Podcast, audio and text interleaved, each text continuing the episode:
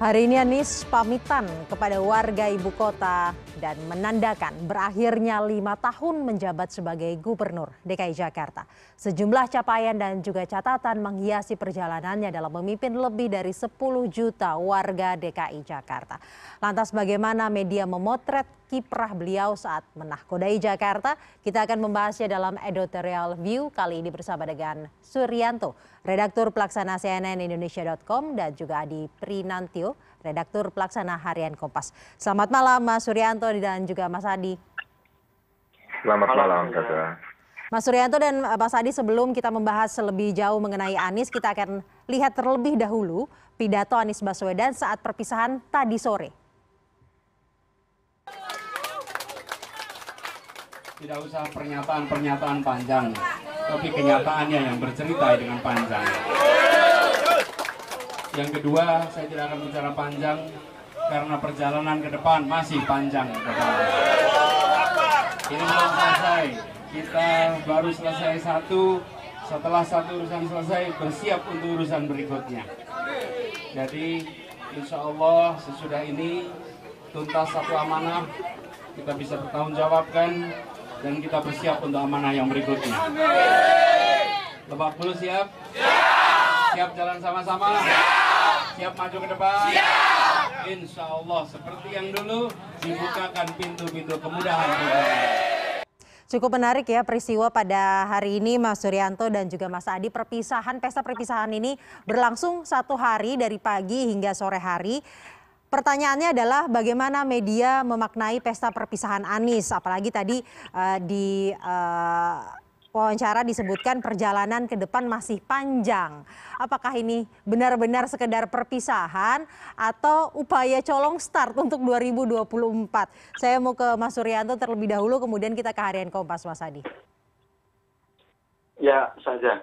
Uh, benar tadi yang yang saya bilang bahwa uh, menarik perpisahan Anies karena selain apa, dengan diiringi oleh perpisahan pendukung gitu kan.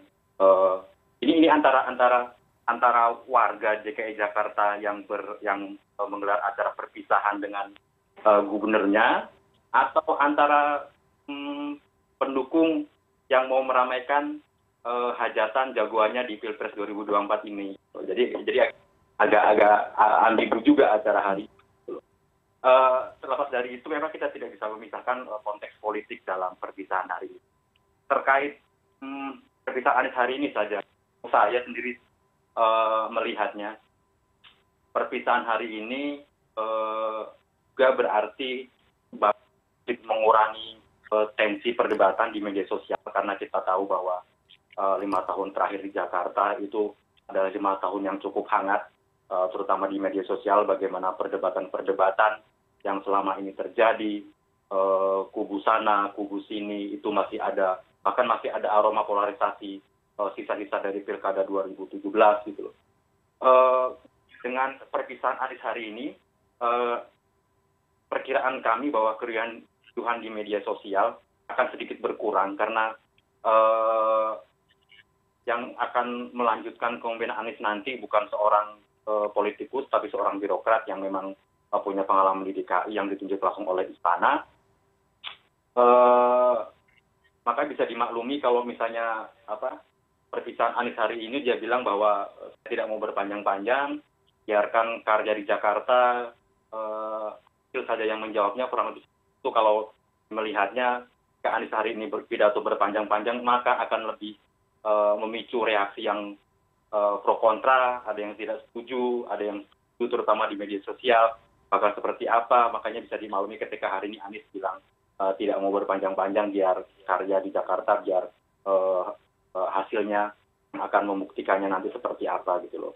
Terus ke depan yang yang saya bilang tadi bilang sebelumnya kemungkinan media sosial akan lebih sedikit reda hangatnya terutama dalam konteks Jakarta bagaimana selama ini polarisasi masih terjadi uh, antara pendukung dan dan orang-orang uh, yang yang sering mengkritik Anies di Jakarta selama ini gitu loh. Uh, harapan kami terutama polarisasi tidak akan ada lagi di Jakarta setelah uh, tidak lagi uh, menjadi gubernur ke depan gitu loh. eh, tinggal nanti bagaimana konteks politik karena Anies kita tahu sudah eh, secara resmi dicalonkan oleh Partai Nasdem eh, di pemilih 2024 nanti. Itu saja saja. Kemudian saya mau ke uh, Mas Adi.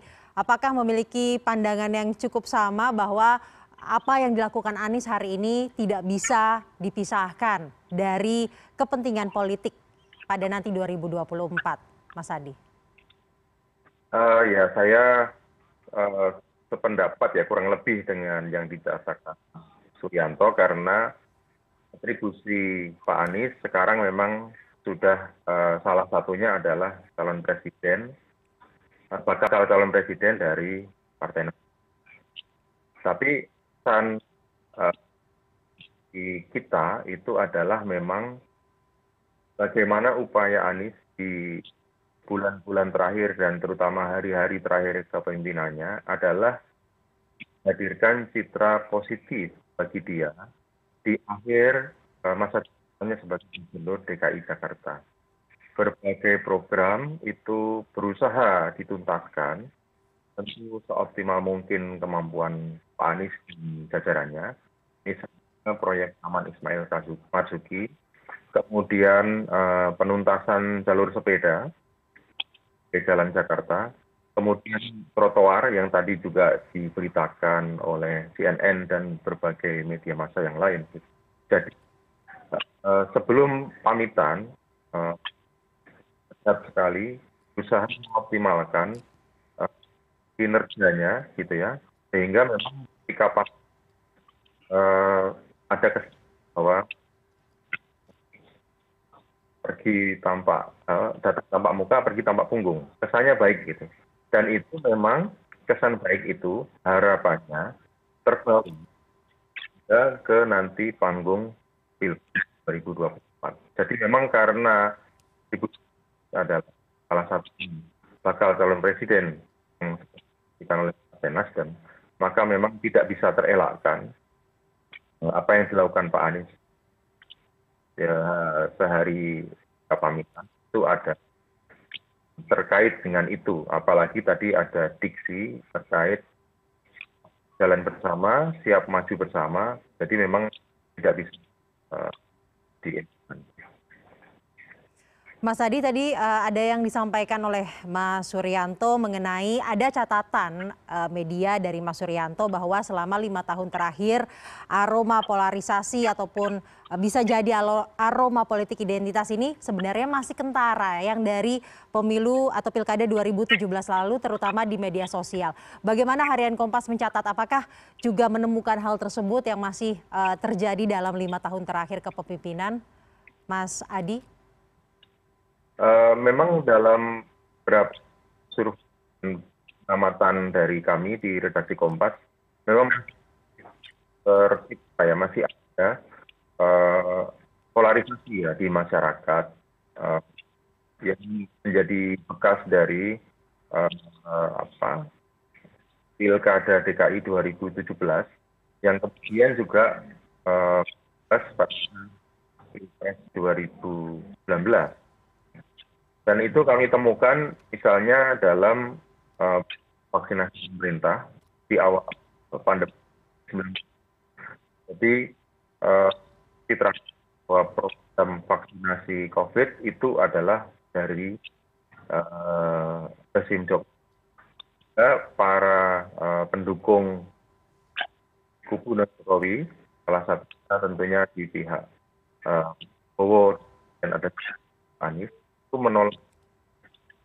Nah padahal itu sebetulnya jauh sekali dari kepentingan politik karena itu jelas merupakan uh, program sehat yaitu dalam hal penanganan pandemi. Tapi di kalangan masyarakat bawah uh, tim waktu itu redaksi Kompas menemukan bahwa pemahaman masyarakat bawah masih saja terpolarisasi akibat berganti nah, pilkada 2017 dan juga pilpres 2019. Baik, baik Mas Adi. Tadi pada saat uh, wawancara juga ada diksi ataupun pernyataan Anies Baswedan yang mengatakan bukan pernyataan tapi kenyataan. Ini uh, mengenai program-program dan juga karya-karya serta capaian-capaian selama lima tahun menjabat. Dari catatan media di cnnindonesia.com dan juga harian Kompas, janji Anies yang mana saja pada saat kampanye terwujud di lima tahun kepemimpinannya dan Eh, mana mana saja yang tidak terwujud kita ke Mas Suryanto terlebih dahulu. Uh, saja kalau kita melihat uh, masalah tari Jakarta pasti semua uh, concern pada masalah uh, banjir dan macet gitu loh apalagi uh, perpisahan Anies ini bisa dibilang kurang manis lah karena memang lagi di musim hujan beberapa waktu lalu ada beberapa titik banjir yang jadi perhatian kita bersama bahkan menjadi keprihatinan kita bersama saat uh, ada korban tewas di tes uh, negeri 19 Jakarta beberapa waktu lalu gitu loh. Jadi dalam catatan kami yang jelas banjir dan macet itu menjadi masalah utama yang memang sangat sulit dihadapi oleh uh, Pemprov DKI Jakarta siapa pun gubernurnya karena memang ini, ini masalah yang sudah uh, bertahun-tahun yang memang harus di, di, di, di uh, pecahkan secara bersama gitu hanya Pemprov tapi juga Eh, pemerintah pusat, eh, pemda-pemda di sekitar DKI Jakarta dan warga secara bersamaan gitu saja. Jadi eh, dalam catatan kami yang jelas menjadi concern bersama bahwa banjir macet itu masih menjadi PR besar Anies dan yang nanti yang akan melanjutkannya. Dalam terkait Anies sendiri, kami melihat bahwa Anies bisa sepenuhnya bisa membuktikan bahwa jurus naturalisasi sungainya karena ini yang jadi perdebatan kemarin antara dan normalisasi. Uh, jurus naturalisasi Anies ini uh, belum Anies belum bisa membuktikan bahwa manjur dari uh, jurus normalisasi sungai yang menurutnya sedikit berbeda dengan naturalisasi yang yang yang uh, dia pakai. Bagai terus lalu lalu bagaimana sumur-sumur uh, resapan yang menjadi satu andalan Anies menanggulangi banjir belum sepenuhnya efektif untuk uh, menghilangkan banjir di beberapa titik kota. Terus untuk macet, memang kami melihat ini sebuah hal yang kompleks. Jadi uh, sudah semestinya pemprov dki jakarta tidak bisa bekerja sendirian. Uh, pemerintah pusat uh, melalui uh, badan pengelola transportasi jabodetabek itu harus turun tangan.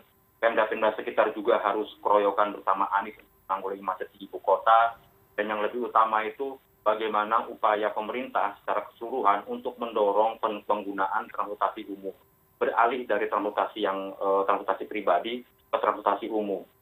Uh, sejauh ini Anies sudah mengupayakan untuk uh, membangun modal apa uh, integrasi uh, antar moda dengan dengan membangun bangunan-bangunan yang menjadi penghubung antara KRL atau MRT dengan Transjakarta. Artinya ini yang harus di uh, harus digalakan sejak dulu dan di, di dan makin dimasifkan baik nanti ke depan ataupun uh, pasca pemilihan 2024 nanti ketika sudah ada gubernur uh, definitif gitu loh. Uh, pola uh, transportasi dari transportasi pribadi ke transportasi umum ini yang masih menjadi PR bersama uh, untuk mengurai kemacetan kemacetan di ibu kota. Itu yang yang yang menjadi PR besar ke depan saja. Baik, bagaimana dengan harian Kompas Mas Adi? Apakah memiliki catatan yang sama dengan cnnindonesia.com bahwa banjir dan macet ini masih menjadi uh, eh, PR yang sangat besar dan utama dan kondisinya dalam catatan harian Kompas seperti apa? Apakah memang uh, area-area banjir ini berkurang selama lima tahun ke depan ataupun uh, bagaimana, Mas? Ya, yang pertama soal kemacetan dulu. Soal kemacetan memang ada beberapa problem di dalam penanganan transport Eh, keluhan keluhan yang banyak muncul di masyarakat adalah soal transjakarta yang selama ini jadi satu andalan bagi pemprov dki dari uh, pemerintahan ke pemerintahan sejak era Pak Yogi untuk mengurangi kemacetan, artinya mengalihkan penggunaan kendaraan pribadi ke kendaraan umum. Tapi hingga sekarang masih terjadi beberapa masalah. Satunya adalah jam tangan bus yang belum konsisten. Dan kemudian menyebabkan penumpukan penumpang pada jam-jam sibuk.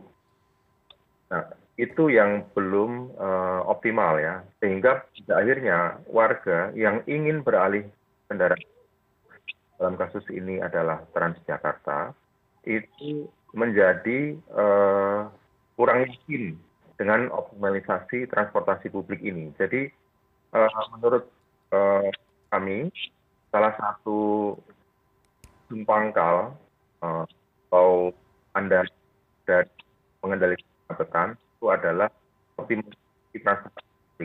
Dalam kasus uh, Transjakarta itu masih optimal beberapa masa.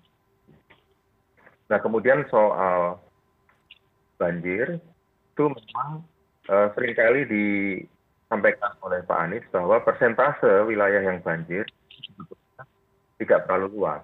Tapi itu pun masih uh, memang intinya belum teratasi gitu ya. Apalagi ketika cuaca saat ini yang curah hujannya lebih tinggi dan kemudian uh, terlalu lama. Artinya jumlah air yang datang ke daratan di Jakarta itu sekali hadir langsung banyak ya. Artinya urusan drainase dan kemudian tadi disebut oleh Mas Rianto soal normalisasi sungai, artinya mengurangi sedimentasi sungai itu juga masih belum optimal selain urusan uh, uh, yang drainase. Ya. Nah, kalau uh, menyisipkan sedikit catatan positif, tentu adalah hanya di pemerintahan. Menurut catatan dari KPPOD, uh, pemantauan pelaksanaan otonomi daerah, DKI termasuk satu daerah yang cukup agresif menggunakan platform digital dalam melayani publik. Uh, sejak 2019, sekitar 6 persen terhadap 4 nelayan telah dilakukan.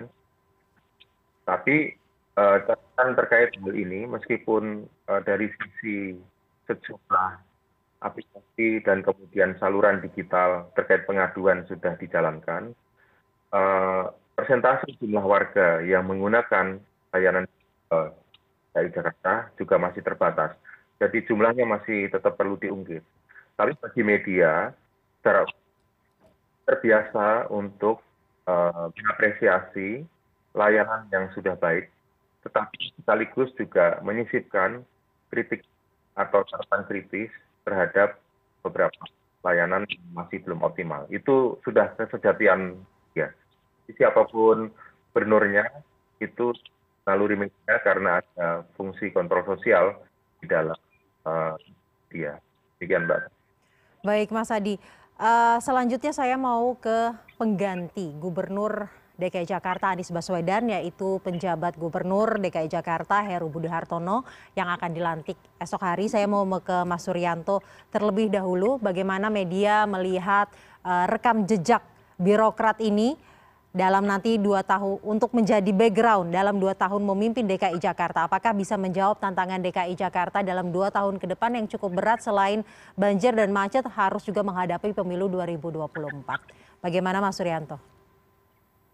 uh, kita tahu Pak bahwa Pak Heru Budi ini kan uh, sudah lama di Pemprov. Itu dia ditarik sebagai uh, sekretaris presiden tentunya uh, Jokowi punya pertimbangan matang bagaimana uh, Pak Heru Budi uh, punya kemampuan untuk untuk menjadi seorang uh, birokrat kan. Lalu sekarang ditunjuk menjadi pengganti Anies, tentu ini juga menjadi pertimbangan matang Jokowi.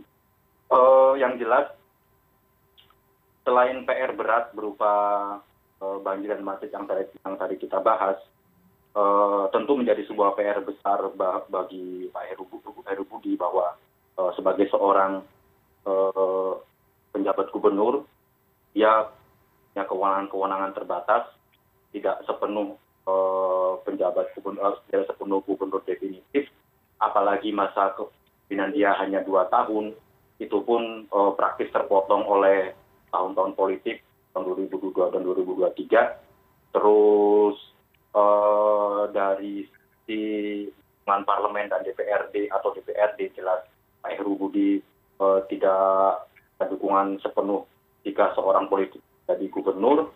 Ini menjadi sebuah PR tersendiri.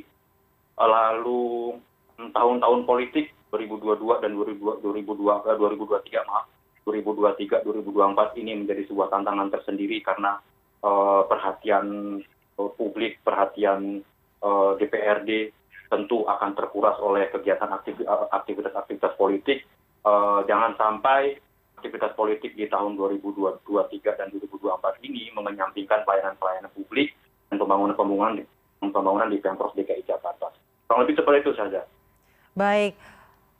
Terima kasih uh, Mas Suryanto. Nanti kita akan bahas mengenai topik lain. Namun kalau saya bisa uh, sedikit mereview, yang penting adalah dalam dua tahun ke depan media seperti yang tadi dikatakan oleh Mas Adi, media harus menjadi kontrol sosial yang dapat mengapresiasi, namun juga yang dapat mengkritisi bagaimana kinerja para pemimpin kita. Kita akan sudahi terlebih dahulu pembahasan mengenai terkait lima tahun kepemimpinan Anies, Mas Suryanto dan Mas Adi.